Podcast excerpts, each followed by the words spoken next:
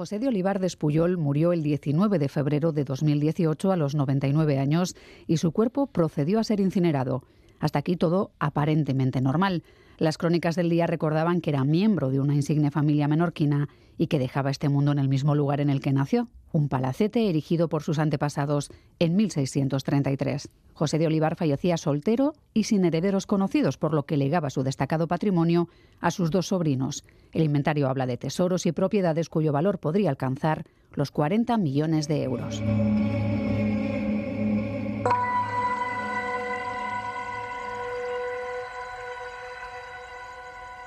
Mesas de mármoles italianos, sillas del estilo Luis XV, casas señoriales, obras de arte, empresas, acciones, dinero. Un legado que podría estar a punto de cambiar de manos. Y es que una mujer de 77 años cuya identidad no ha trascendido asegura ser hija ilegítima del noble y ha pedido ser reconocida oficialmente. Los parientes vivos no han querido hacerse pruebas de ADN, por lo que el viernes 17 de febrero se exhumaba los supuestos abuelos, los padres de José de Olivar, porque él fue incinerado. Soy Miriam Duque, la encargada de abriros esta Gambara Negra, un podcast de crónica negra en el que hacemos que ciencia, especialistas y pruebas hablen más que nosotros para recomponer la actualidad y tratar de entender la mente de quienes se escoran al lado oscuro.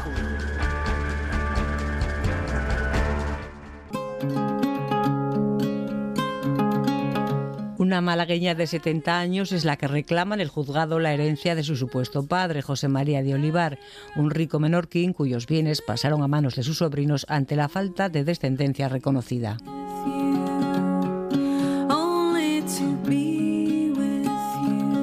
José María de Olivar murió en 2018 y fue incinerado, por lo que ahora no cabía otra que exhumar los restos biológicos de sus padres para efectuar la prueba de ADN. Si hubiera esa relación de parentesco, la demandante podría obtener una valiosa herencia, palacios, joyas, viviendas, tierras rústicas, obras de arte, empresas y cuentas bancarias atesoradas en vida por José María de Olivar. Un menorquín de pro, nacido en 1918, abogado de formación que llegó a ser miembro de la Diputación de Baleares y alcalde de la Ciudadela de Menorca en los años 60, además promotor de numerosas construcciones en la isla.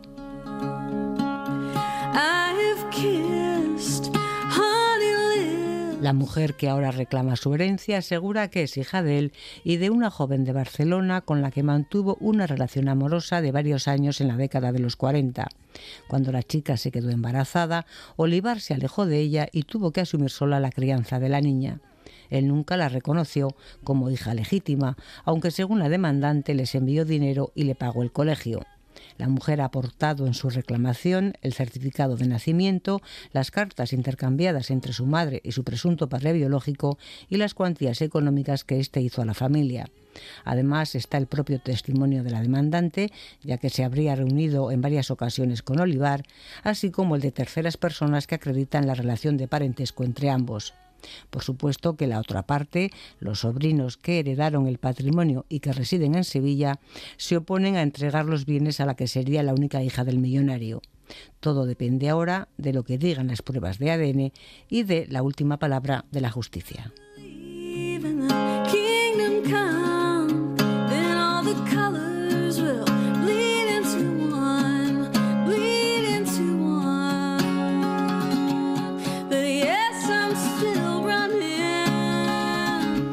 Fernando Osuna, del bufete Osuna Abogado, representa a la supuesta heredera. Fernando, ¿qué tal? ¿Cómo estás? Muy bien, encantado de estar con ustedes. ¿Qué sensaciones te dejó la exhumación? Pues bueno, dentro del dramatismo que es eh, exhumar a unas personas, pues muy bien porque eh, se consiguieron restos óseos. Otras veces hemos intentado y los restos óseos pues no tienen ADN, pero en este caso sí, se cogieron eh, dos fémures ¿eh?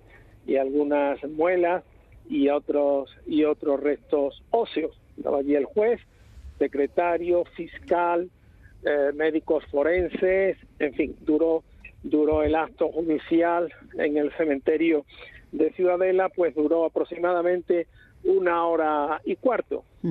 Fernando, ¿qué pruebas tenéis de que realmente José de Olivar es el padre de la demandante? ¿Se puede acreditar que pagó su manutención, por ejemplo? Sí, tenemos muchos eh, indicios, eh, pruebas indiciarias, sospechas, eh, que han contribuido para que el juez, a la vista de esas pruebas, pues admita la demanda. ¿Aquí hay documentos? Claro, hay documentos, hay documentos bancarios donde se demuestra pues que Olivar ingresaba cantidades que se repetían periódicamente Después también otra, otro dato importante, cuando mi cliente era pequeña, en las calificaciones escolares, pues le ponían el primer apellido Olivar, ¿eh? le mm. ponían el primer apellido del presunto del presunto padre. O sea, ahí está escrita con, eh, con, ese apellido, no con, con, el apellido de la madre que pasaba en algunos casos. No sé si hay cartas también o, o documentación, porque ellos llegaron a tratarse en vida. Sí, sí, sí, se trataban.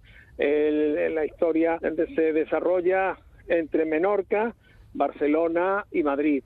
Se trataban, se veían, se mandaban muchas cartas, hay que situarse en el contexto de 1940, década de los 40, donde no había correos electrónicos, ni había email, ni había WhatsApp, ¿no? Eh, la, la, comunicación era por, por carta y en esas cartas, ¿eh? pues abiertamente se decía pues que hay una niña y que esa niña pues es de era de este de este señor. ¿eh? Esas cartas las, hemos aportado. Y también otro dato importante, el parecido físico, ¿eh? parecido físico que hay entre el señor Olivar y mi cliente. Hay, hay otro dato importante y es que presuntos tíos pues se han negado a hacerse la prueba de ADN. Eso tiene una interpretación muy negativa para ellos y muy favorable para nosotros, porque tanto la ley como la jurisprudencia cuando eh, hay esa negativa, pues interpreta que es porque no quieren hacerse la prueba de ADN porque saben o temen que el resultado sea positivo entre entre mi cliente y esos presuntos tíos. ¿eh? Fernando, ¿hay testigos también de la relación que hubieran mantenido, que presuntamente mantuvieron José de Olivar, que entonces tendría pues, casi 30 años, y la madre de la demandante actual? Hay muchos testigos que conocían esta historia, que han hecho unas declaraciones mediante actas y las hemos aportado con la demanda. ¿Testificarán en algún momento? Calculamos que dentro de un mes o mes y medio estarán ya los resultados de las pruebas de ADN y cuando ya estén, pues mm, lo procedente es que el juez convoque a las partes. Calculamos que antes del mes de agosto puede celebrarse el juicio y, por supuesto, pues que allí eh, se oirán a los testigos, eh, también a los médicos forenses y las declaraciones que realice eh, mi cliente y los y los demandados. Fernando, una última pregunta. Supongo que en caso de que quede probada la afiliación, si las pruebas confirman que es hija de José de Olivar, eh, reclamará también la herencia o al menos la legítima. No sé si pues, pues realmente estamos hablando de unos 40 millones de euros de, de herencia. Sí, sí, es un derecho que tiene y no va a renunciar. Bastante mal lo pasó y qué menos, qué menos que para compensar todo ese daño que han sufrido en la infancia, en la juventud y en la adolescencia, pues, pues que se han compensado, que menos con la herencia. Fernando es un abogado de la demandante, muchísimas gracias. Estaremos muy atentos a lo que dictaminen las pruebas de ADN. Un abrazo y hasta la próxima. Muchas gracias a ustedes. La demanda fue admitida a trámite por el juzgado de primera instancia, instrucción número uno de Ciutadela, y puesto que José de Olivar fue incinerado y sus parientes no se habían prestado a hacerse una prueba de ADN, la justicia acababa resolviendo que se exhumase a los padres del noble.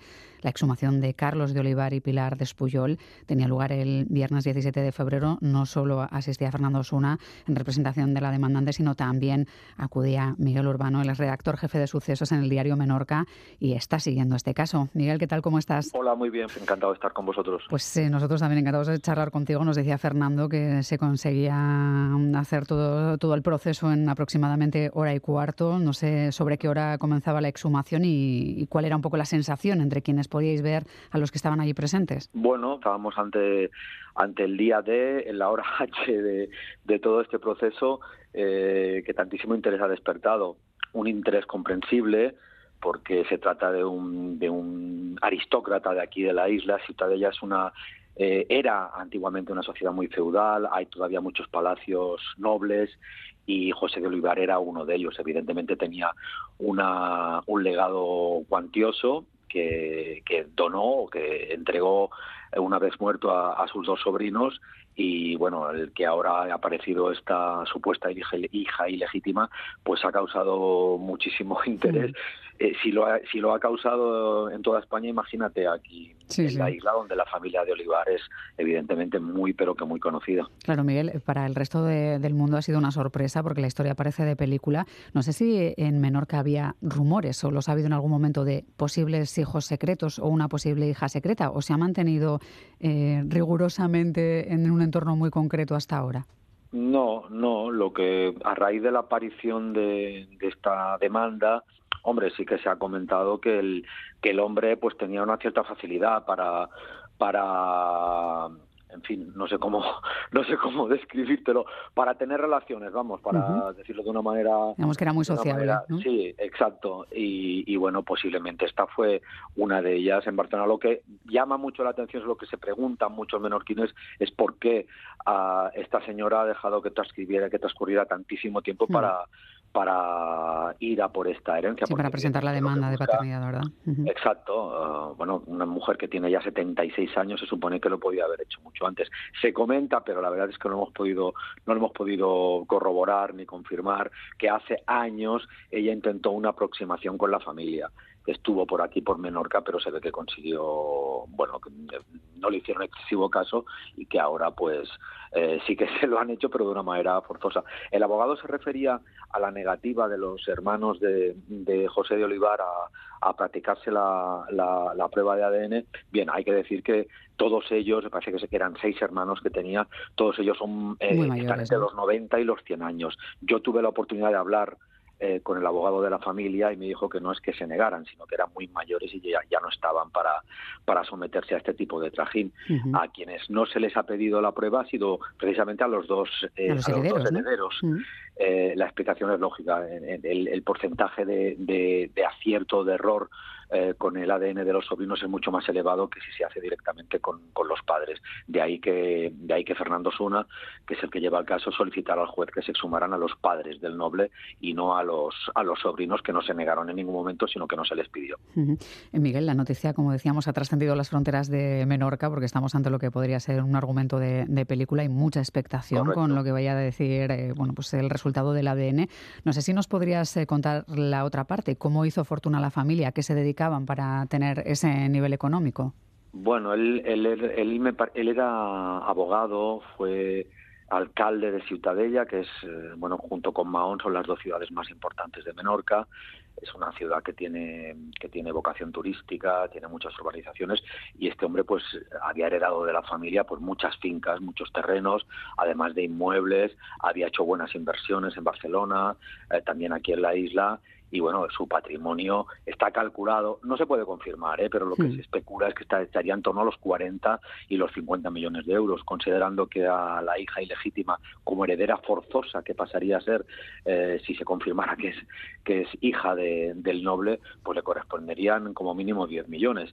Los abogados que han movido muy bien este caso saben que también van a, van a poder pescar un buen porcentaje ahí en el caso de que esta de que esta demanda de paternidad vaya hacia adelante. Y la fortuna la había conseguido pues a partir de ahí de ir moviendo muy bien el capital que tenía haciendo buenas inversiones y rentabilizándolas. O sea que ahora os queda Miguel esperar un poco a los resultados que serán en mes y medio aproximadamente no mucha expectación. Eh, tuve la oportunidad de hablar el mismo viernes con la con una de las forenses que practicó la bueno que practicó que, que recogió los restos de los, de los dos cuerpos, de los padres de, de José de Olivar y ella calculó también que entre mes y medio, dos meses pueden estar las muestras aquí. Curiosamente, el Instituto de, de Toxicología y Ciencias Forenses de Barcelona es el más lento porque tiene muchísimo trabajo acumulado, pero al tratarse este de un caso tan mediático es, posible, es posible que agilicen el, trabajo. Exacto, y que las, los resultados de los, de los análisis estén aquí en Menorca pues en un mes, es un poco más. Pues Miguel Urbano, redactor jefe de sucesos en el diario Menorca, muchísimas gracias por ayudarnos a, conocer todos los detalles de, este caso y estaremos muy atentos y muy atentas a, a lo que vaya ocurriendo y te llamaremos. Un abrazo grande, Miguel. Bueno, un placer.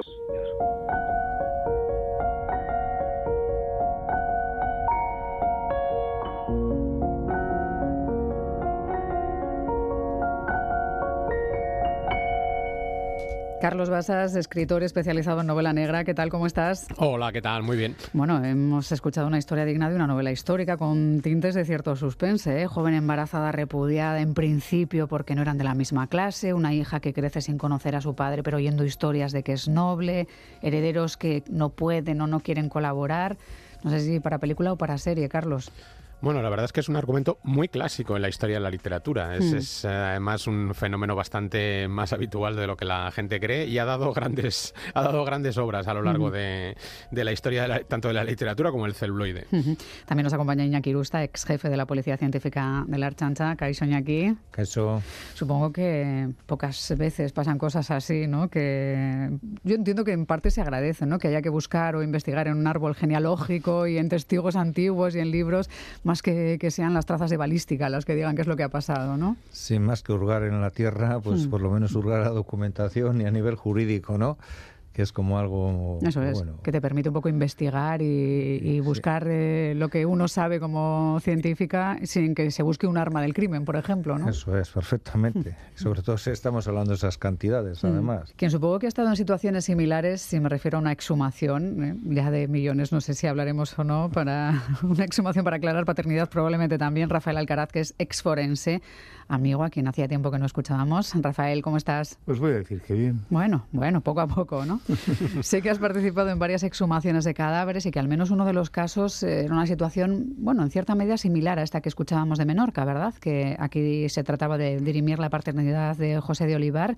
Entonces, eh, cuando tuviste que investigar, ¿qué es lo que se demandaba? ¿Cuál era la historia? La historia era completamente similar. La historia de una relación amorosa entre una persona de, de elevado nivel social y económico con una mujer normal y eh, al fallecimiento de este, al de un tiempo, reclama la paternidad del, muchacho. En la exhumación todo fue bien, porque aquí mencionaban que se han logrado al menos dos fémures y muelas para extraer información. En aquel momento, ¿cómo, cómo se encontrabais la zona cuando se procedió a abrir el terreno? La muerte no iguala a nadie, sigue habiendo clases.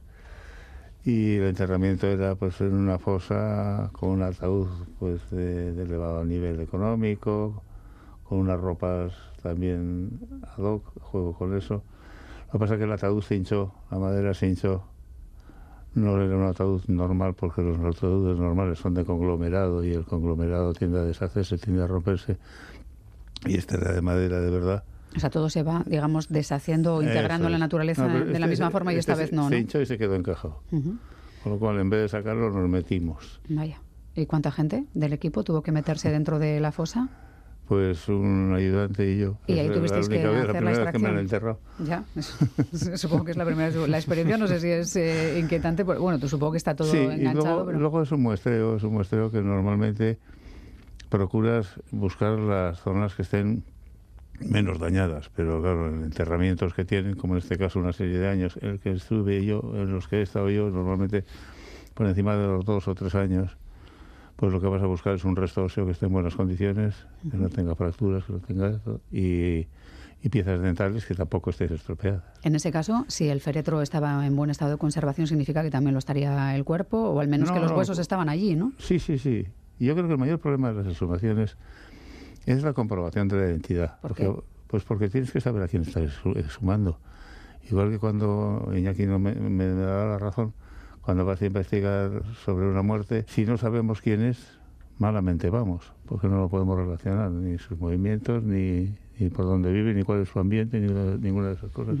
Claro, quizás en, este caso, el, ahora le preguntaré a, Iñaki por casos en los que uno se encuentra que tiene que hacer una exhumación en el monte, por ejemplo, que no es tan evidente de dónde han salido esos restos, cuando alguien va con una autorización judicial a un cementerio a abrir una fosa, en principio se busca el ADN de una persona en concreto, ¿no? Salvo excepciones, estará ahí la persona correcta. Para que tú tienes que comprobar y contrastar que esa persona es esa persona.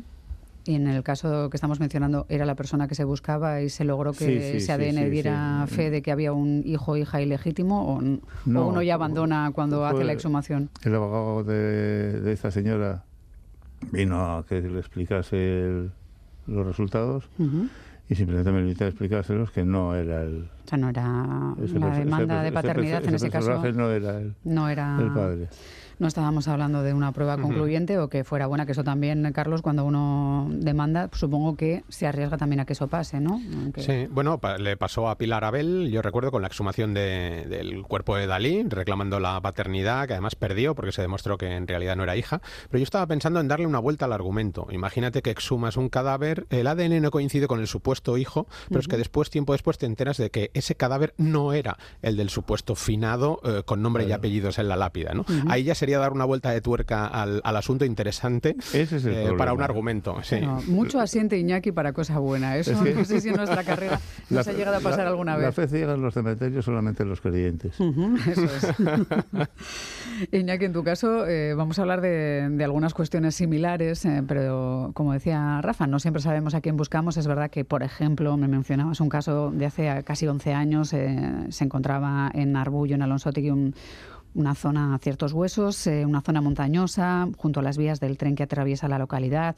Al parecer un montañero, un vecino estaba paseando, localizaba unos huesos, avisaba. En esa zona había habido un incendio unos meses antes y parece que las lluvias podrían haber movido terrenos y haber movido esos huesos para que se hicieran más evidentes o estuvieran más a la vista. Entiendo que se moviliza la archancha y empieza a investigar, ¿no? ¿no? ¿Cómo se recaba una exhumación de ese tipo cuando está en la naturaleza y no en una fosa en un cementerio? Bueno, ahí se trabaja en dos vertientes. En primer lugar, como bien has dicho, se produjo un incendio en esas fechas, creo que era sobre el 2012, y hubo unas lluvias y pudiera ser uno de, los detonantes del movimiento de esos restos óseos, ¿no? Pero tenido eh, ya los restos óseos, a partir de ahí tenemos que empezar a trabajar. Hay que trabajar en las dos vertientes, desde la parte de la investigación para poder... Eh, tener los datos de, quién pudiera tratarse, fechas, lugares, si hay algún elemento en las inmediaciones o no. Y luego, por otra parte, la identificación de los restos óseos, como antes ha comentado, para la extracción del ADN en aquellas zonas concretas óseas que pudieran ser eh, pues más factibles, ¿no? O pudiera ser el ADN de un nuclear o el mitocondrial. En cualquiera de las dos vertientes podemos trabajar. Pero la aparición de restos óseos eh, se ha dado, yo creo que en la época del COVID, sobre el 2019, cuando la gente empezó a andar bastante por la zona de los montes y teníamos limitado lo, que eran los recorridos, se localizaron una serie de cadáveres con bastantes años de antigüedad y ahí estuvimos trabajando bastante bastante de manera bastante intensa para ponerle nombre cara a esos restos óseos. Recuerdo del orden de cuatro o cinco restos óseos que se localizaron aquí en las inmediaciones de Vizcaya y bueno, pues ahí, ahí se hubo que trabajar. De lo que se trata es ponerle, ponerle nombre, rostro, cara, como queramos a esos rostros. Aunque tarden, sí. El extraño caso de, de, la víctima con un conversor de euros, ¿eh? que nunca olvidaré que fue uno de los restos que aparecieron durante los tiempos de pandemia que paseábamos mucho, como dice Iñaki, y localizar un conversor de euros indica que esa persona llevaba desaparecida pues muchísimo tiempo porque el euro forma parte de nuestras vidas ya un par de décadas al menos, ¿no? Es que hubo una época donde hubo, tú sabes mejor que yo, hubo una especie de, lucha por el control de zonas en el tráfico de drogas. Y hubo bastantes fallecidos en arreglos de cuentas, que claro, son gente que ni la van a denunciar, ni las van a poner en falta, y crear una dificultad magnífica porque si no tienes un elemento de comparación no te sirve de nada extraer un ADN. Claro. Sí, tenemos que tener en cuenta que esos restos óseos fueron localizados en zonas que habitualmente o generalmente la gente no va. Es decir, zonas boscosas donde nadie se adentra ni, ni, ni por la en, vamos, ni, ni, el pensamiento más profundo, pero eran épocas en las cuales la gente pues necesitaba andar y buscaba nuevos caminos, nuevas rutas, nuevas sendas, en las cuales no cruzarse con gente, andar con gente y buscaba andar en solitario. Y ese andar en solitario, pues dio muchas veces pues con esos restos óseos. y acabó generando más trabajo para la policía, que en algunos casos, pues bueno, van apareciendo restos. De, eso se trata, ¿no? de, de ponerle cara a estos restos óseos que de otra parte, pues bueno, pues no hubiesen sido descubiertos. Antes de que viajemos a Chile, Rafa, supongo que tienes más exhumaciones en tu haber de las que tengas un recuerdo bueno, no sé si por el trabajo o, por el resultado. Es buscar un poquito de cuidado, un muestreo. Tampoco es muy, importante la estética porque ya ha pasado un tiempo y eso ya no, no tiene mayor trascendencia. Es decir, podemos coger muestras porque no suponen una alteración. Conflictividad crean las exhumaciones de carácter reciente, las de orden judicial. Es decir, aquellas en las que se ha hecho o no, se ha hecho o se ha hecho una primera autopsia y hay una serie de reclamaciones y vas a sacarlo pues al de 15, 20 días, un mes. Y entonces los grupos de un lado y de otro se enfrentan al cementerio. Yo en una ocasión en el cementerio, puedo decirlo de Ibar, saqué como 10 o 12 sacos de miedo llenos no he tenido más de la miedo, situación, ¿no? Más miedo en mi vida. O sea que ese es el momento delicado, ¿no? Cuando hay inmersa una investigación. Y eso que estabais, estabais vosotros, estabais, estaba en un cordón, cuando pasó estaba en un cordón de, de policías. O sea que hay pequeñas ocasiones en las que el forense tiene mm. una profesión de riesgo cuando acude in situ a una situación donde todavía hay tensión. Todos, en, esas situaciones, todos, porque la gente está totalmente alterada. Mm. Entonces son momentos de ofuscación donde el razonamiento no existe y, se complica la situación. Bueno, vamos a respirar y vamos a hablar de la muerte de un poeta, Pablo Neruda.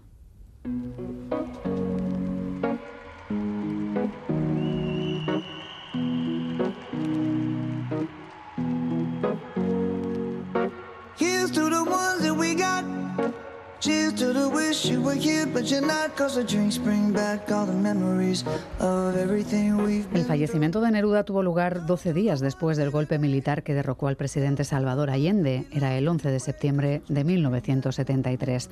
Durante 40 años la causa de su muerte fue el cáncer de próstata con metástasis que padecía, pero voces de su entorno como parte de la familia o quien fuera su chofer llevan años asegurando que Neruda fue envenenado.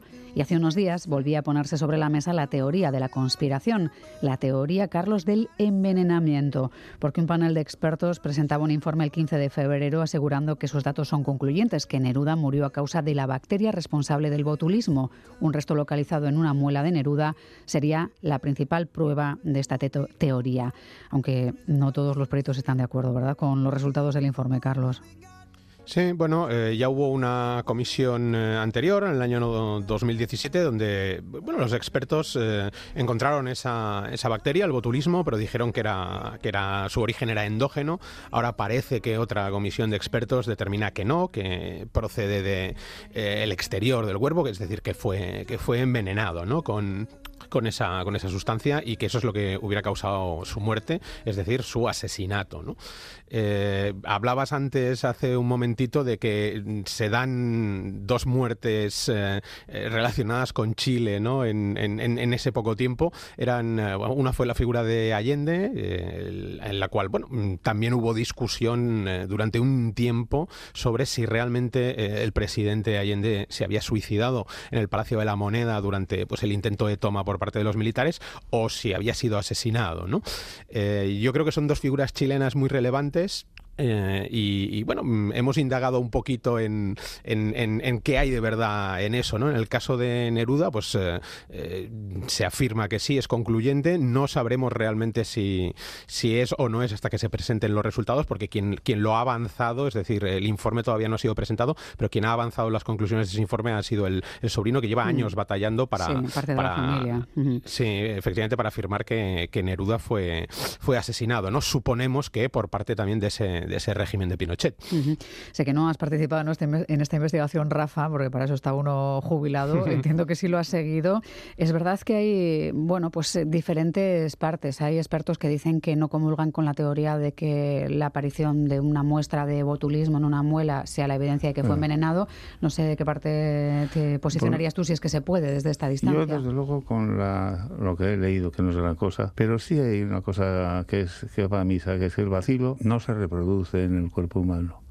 El bacilo no envenena, envenena la sustancia que producen los bacilos del botulismo, es decir, la toxina botulínica. Para demostrar que ha tenido un, envenenamiento con botulismo, o por botulismo, una toxina botulínica, tienen que demostrar la existencia de la, toxina o de los anticuerpos que crea la, toxina. No veo la manera de probarlo. O sea, que es difícilmente demostrable con es raro que el tiempo que, que tardó en producirle la muerte de la toxina botulínica, sea porque se le han inyectado, sea por lo que sea, no haya no haya llamado la atención un cuadro sintomático tan florido como suele tener esto. Es verdad que, su chofer o quien fuera su chofer mencionaba que él siempre dijo que le habían pinchado, pero es una de esas teorías, eh, Carlos, junto con la del propio Salvador Allende. De alteraciones en la vista, no se habla de ah. alteraciones en, el habla ni alteraciones en la deglución, no se habla de otros ni alteraciones en la orina, ni alteraciones en, el tracto intestinal. Mm. es curioso que una, una sintomatología tan llamativa, tan viva, eh, que a la que le precede una sintomatología corriente y moliente de cualquier intoxicación, las náuseas, los vómitos, las diarreas, etcétera, pues no conste, no se refleje y no, no haya llamado la atención Hmm, y, no, sí, yo- y no, no sirva de soporte para el, el hallazgo del bacilo.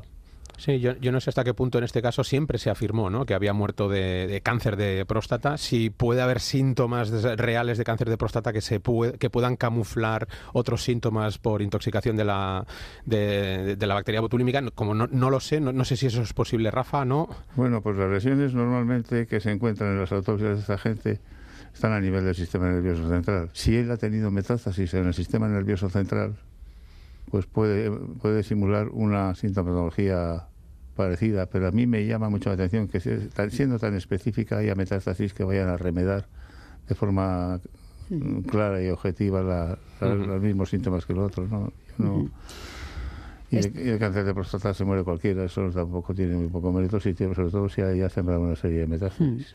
El caso de Pablo Neruda siempre ha dejado una ventana abierta a las teorías de que tal vez fue asesinado. También la muerte de Salvador Allende ha mantenido cierta historia en paralelo mm, sobre si realmente se suicidó, si le mataron. Es algo que analizaron en el lector de huesos de TV con el forense Paco Echeverría.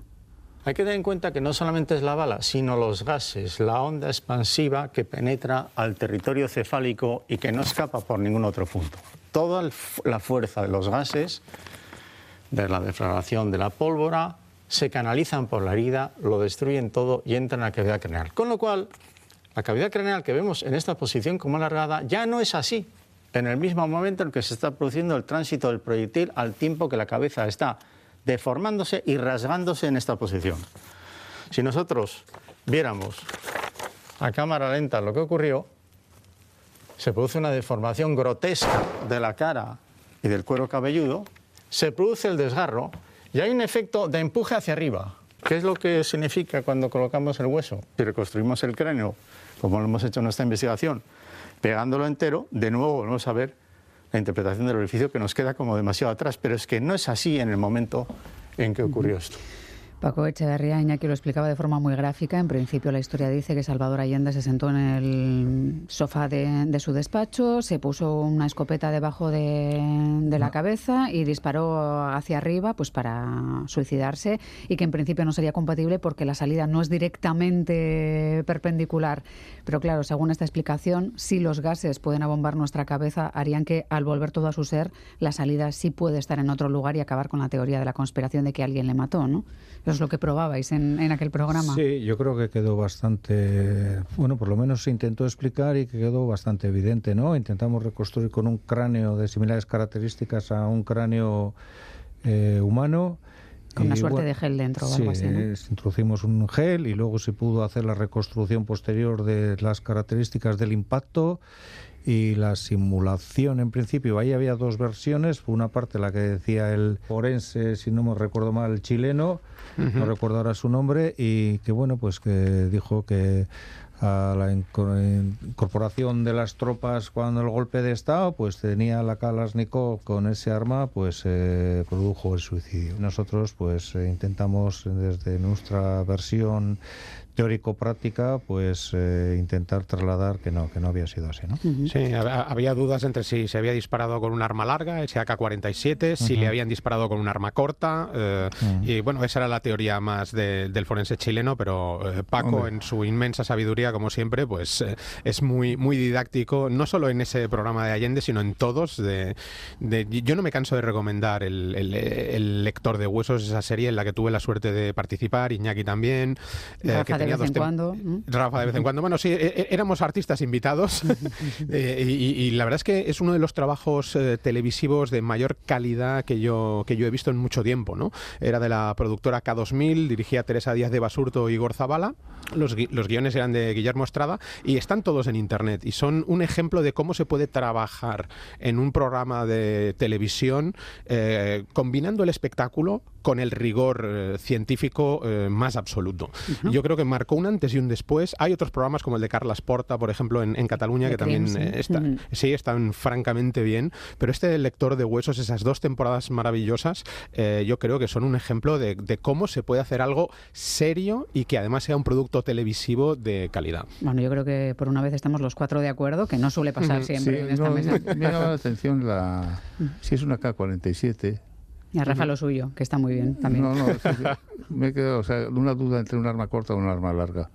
Una K-47, igual que un Mauser, igual que un, eh, un CEDME, son unos calibres muy altos, con una potencia inusitada, y el estallido craneal es completo.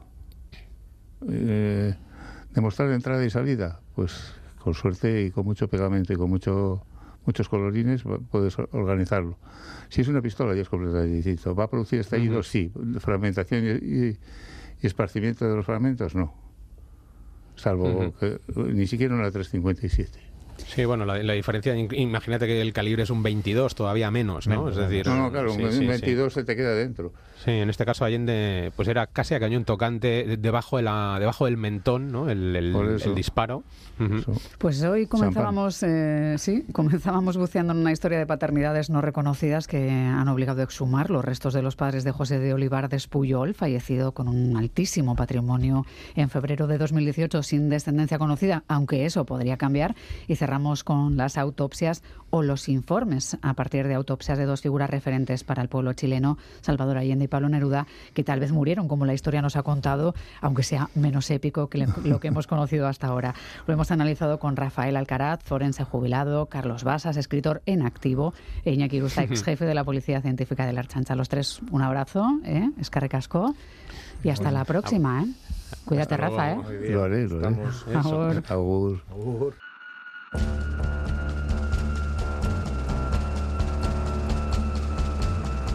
Gambara Negra, el podcast de crónica negra e investigación de EITB Podcast.